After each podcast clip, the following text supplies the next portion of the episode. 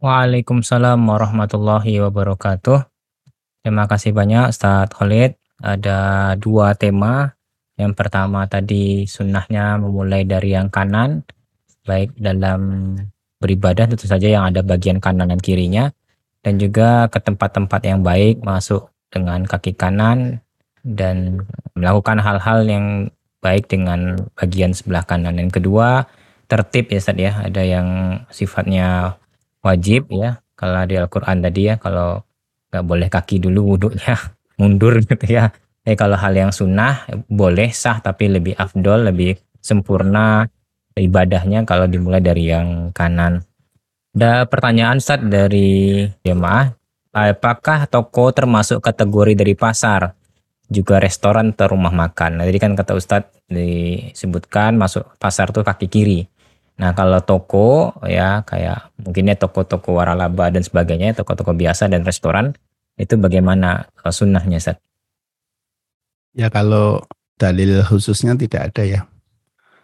Nah mungkin kalau lah ini dikiaskan ya, dikiaskan. Nah kalau kias ini istihad ya. Nah tinggal, kenapa sih kalau pasar kok kaki kiri dulu gitu ya.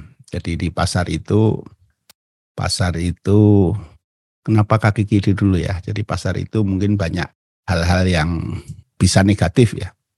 Jadi misalnya ada orang yang cenderung untuk tidak jujur di dalam berdagang dan sebagainya gitu ya. Nah sehingga karakteristik dari pasar itu e, sesuatu yang ada ya kita kira-kira gitulah jadi ada cenderung untuk ada negatifnya begitu.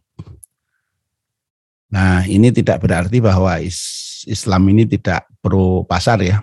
Jadi tidak pro pasar dalam pengertian tidak mendukung kegiatan ekonomi gitu ya. Tetapi ya di situlah memang di urusan uang ini orang banyak banyak hal-hal yang kadang-kadang menjadi bermasalah ya. Jadi inilah sebabnya dulu juga Umar Ibn Khattab ya, apakah terkait langsung dengan ini apa tidak, tapi cara kita, cara beliau mengukur orang itu bisa dipercaya apa tidak, itu salah satunya adalah muamalah tentang uang. Jadi waktu itu beliau ingin, saya pernah ceritakan ini mungkin, beliau ingin mengisi jabatan tertentu di zaman beliau. Kemudian beliau minta usulan-usulan kepada orang-orang siapa yang kira-kira diusulkan untuk ini. Nah ketika ada orang mengusulkan, ini Umar bertanya tiga hal. Pertama, apakah kamu bertetangga dengan dia? Jadi misalnya orang ini mengatakan merekomendasi si Fulan, ya. Nah, Umar nanya, kamu bertetangga dengan dia enggak? Nah, yang kedua, kamu pernah enggak musafir sama dia? Pergi jauh dalam waktu yang cukup bersama dia. Yang ketiga, kamu pernah enggak bermuamalah urusan uang dengan dia? Nah, kalau tiga hal ini dijawab ya semua dan orang ini tetap menyatakan baik, insya Allah ini baik. Ya. Jadi bertetangga, bertetangga ini sebuah bentuk muasaroh yang berjangka panjang. Kalau orang itu baik karena berbahasa basi, itu tidak betah lama. Kalau bertetangga itu lama. Jadi kalau orang itu baik, artinya memang dia baik. Jadi kalau tetangganya menyatakan orang ini baik, maka tetangga itu sebenarnya orang yang sudah lama berinteraksi dengan seseorang ini. Jadi tidak tidak basa-basi gitu ya. Nah itu satu. Yang kedua musafir. Ya. Orang musafir ini sering muncul watak aslinya. Ya. Kalau orang bepergian bareng sebentar, itu kadang-kadang masih kelihatan bagus-bagus ya, tidak ada masalah, baik-baik saja gitu. Kita bareng dari Jogja ke Jakarta naik pesawat, jejeran, nah itu omongnya baik-baik. Nah, tapi kalau musafirnya panjang, ya kita haji bareng 40 hari. Nah, itu ketahuan watak aslinya, ya. Begitu misalnya sampai di sana ya, apakah orang ini suka menolong temennya, apakah orang ini egois, apakah orang ini suka membebani orang lain, nah, itu ketahuan semua, ya.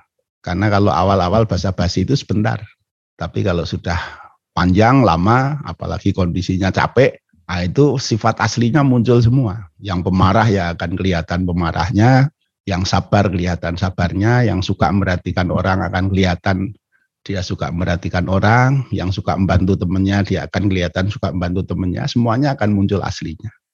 Nah, ini musafir, nah, itu akan uh, kelihatan watak aslinya. Nah yang ketiga muamalah dengan uang, ya.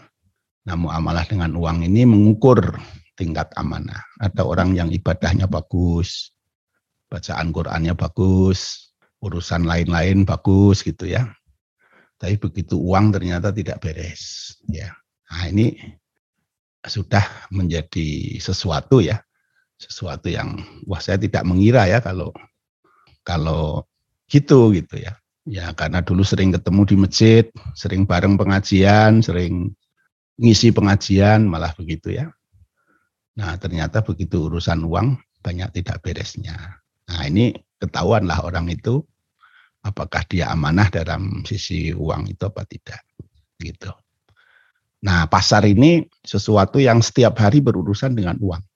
Nah, sehingga orang-orang baik saja kadang-kadang kalau urusan uang menjadi sesuatu yang bermasalah, ya.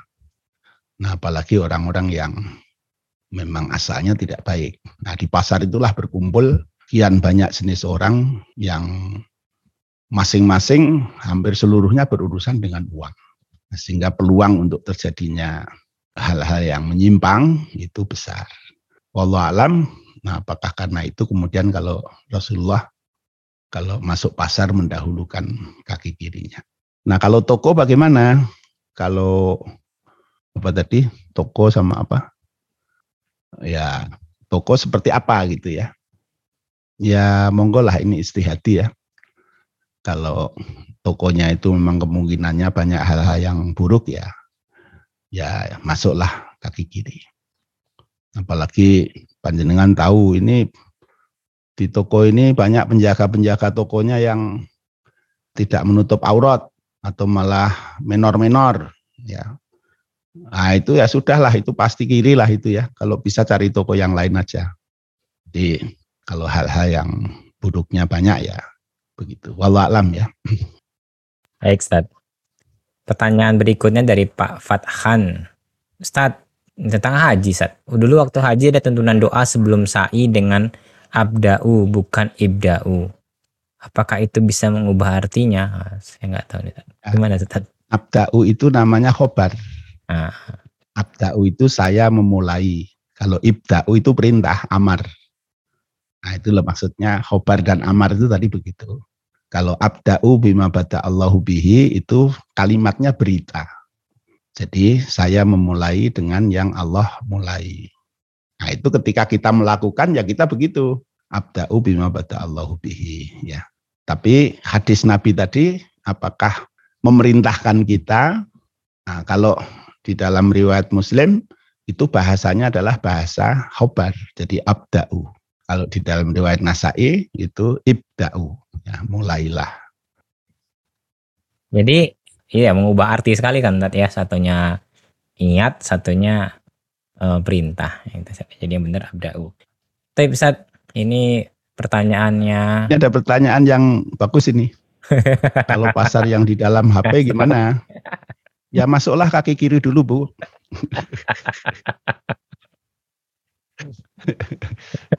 ya, kalau HP kan enggak dimasuki, masa kaki di kaki kiri dulu oh, yang Atau masuk. mungkin megang HP tangan kiri, Stan. Atau nuntulnya pakai tangan kiri ya. Iya. Susah itu. Jadi kalau banyak diskonnya tangan kanan, Tat. Nah ya gitu. Yang gratis-gratis tangan kanan. Iya, yang beri ongkir. Cukup, Ustaz pekan depan insya Allah membahas apa ya Ustaz ya tentang membasuh tangan sampai ke siku kemudian hmm, hadis pekan depan Bismillah, saya Ustaz, ya. ambil ya. dari basmalah dulu tentang oh, basmalah dulu Ustaz. Basmalah. Ya. Hmm. Itu yang di hmm. OneNote Ustaz nomornya nomor 45 harusnya 54 kalau 45 syarahnya Ustaz. Karena saya membaca materi Ustaz itu kan lompat-lompat itu. Jadi ya karena klaster ya Ustaz kan membaginya sesuai dengan klaster temanya ya. Jadi itu. Baik, cukup Ustaz ada kalimat penutup Fadil Ustaz. Cukuplah. Cukup Ustaz ya. Ya. Baik. Uh, Bapak Ibu semua, jazakallah khairan sirah Ustaz Khalid atas ilmunya pada malam hari ini. Kita mendapatkan banyak manfaat insya Allah dari apa yang beliau sampaikan. Saya ulangi lagi tadi bab kebiasaan Nabi, sunnahnya kita menggunakan uh, tangan kanan, bagian kanan untuk hal-hal yang positif dan kalau untuk hal-hal yang negatif atau kurang baik lah ya misalkan masuk ke pasar, masuk kamar mandi, kita menggunakan maksudnya dengan kaki kiri. Dan yang kedua tadi tentang tertib ya dalam melaksanakan ritual ibadah kalau memang sudah jelas nasnya, terutama tadi ya wudhu ada yang wajib, ada yang sunnah ya. Kalau yang wajib itu urutannya dari muka sampai ke kaki harus berurutan dan juga ada yang sunnah yang kalau dilakukan itu kalau tidak dilakukan atau dibalik itu apa kurang itu tidak sempurna tapi tetap sah ibadah uh, wudhunya. Insya Allah pekan depan kita masih akan membahas hadis-hadis dalam bab wudhu. Uh, masih ada beberapa lagi sampai nanti kita masuk lagi ke bab beberapa waktu depan ke depan sih masih banyak ya bab tentang mengusap dua khuf itu. Terima kasih banyak atas keikutsertaan partisipasi Bapak Ibu pada kajian malam hari ini. Mudah-mudahan kita bisa terus dikuatkan untuk bisa hadir dalam kajian-kajian virtual, ngaji dari rumah tidak terbatas uh, tempatnya, tidak perlu hadir secara offline tapi bisa hadir secara online. Kita akhiri dengan doa kafaratul majelis. Subhanakallahumma wa bihamdika asyhadu an la ilaha illa anta astaghfiruka wa atubu. Kami mohon maaf banyak kesalahan kurang. Assalamualaikum warahmatullahi wabarakatuh.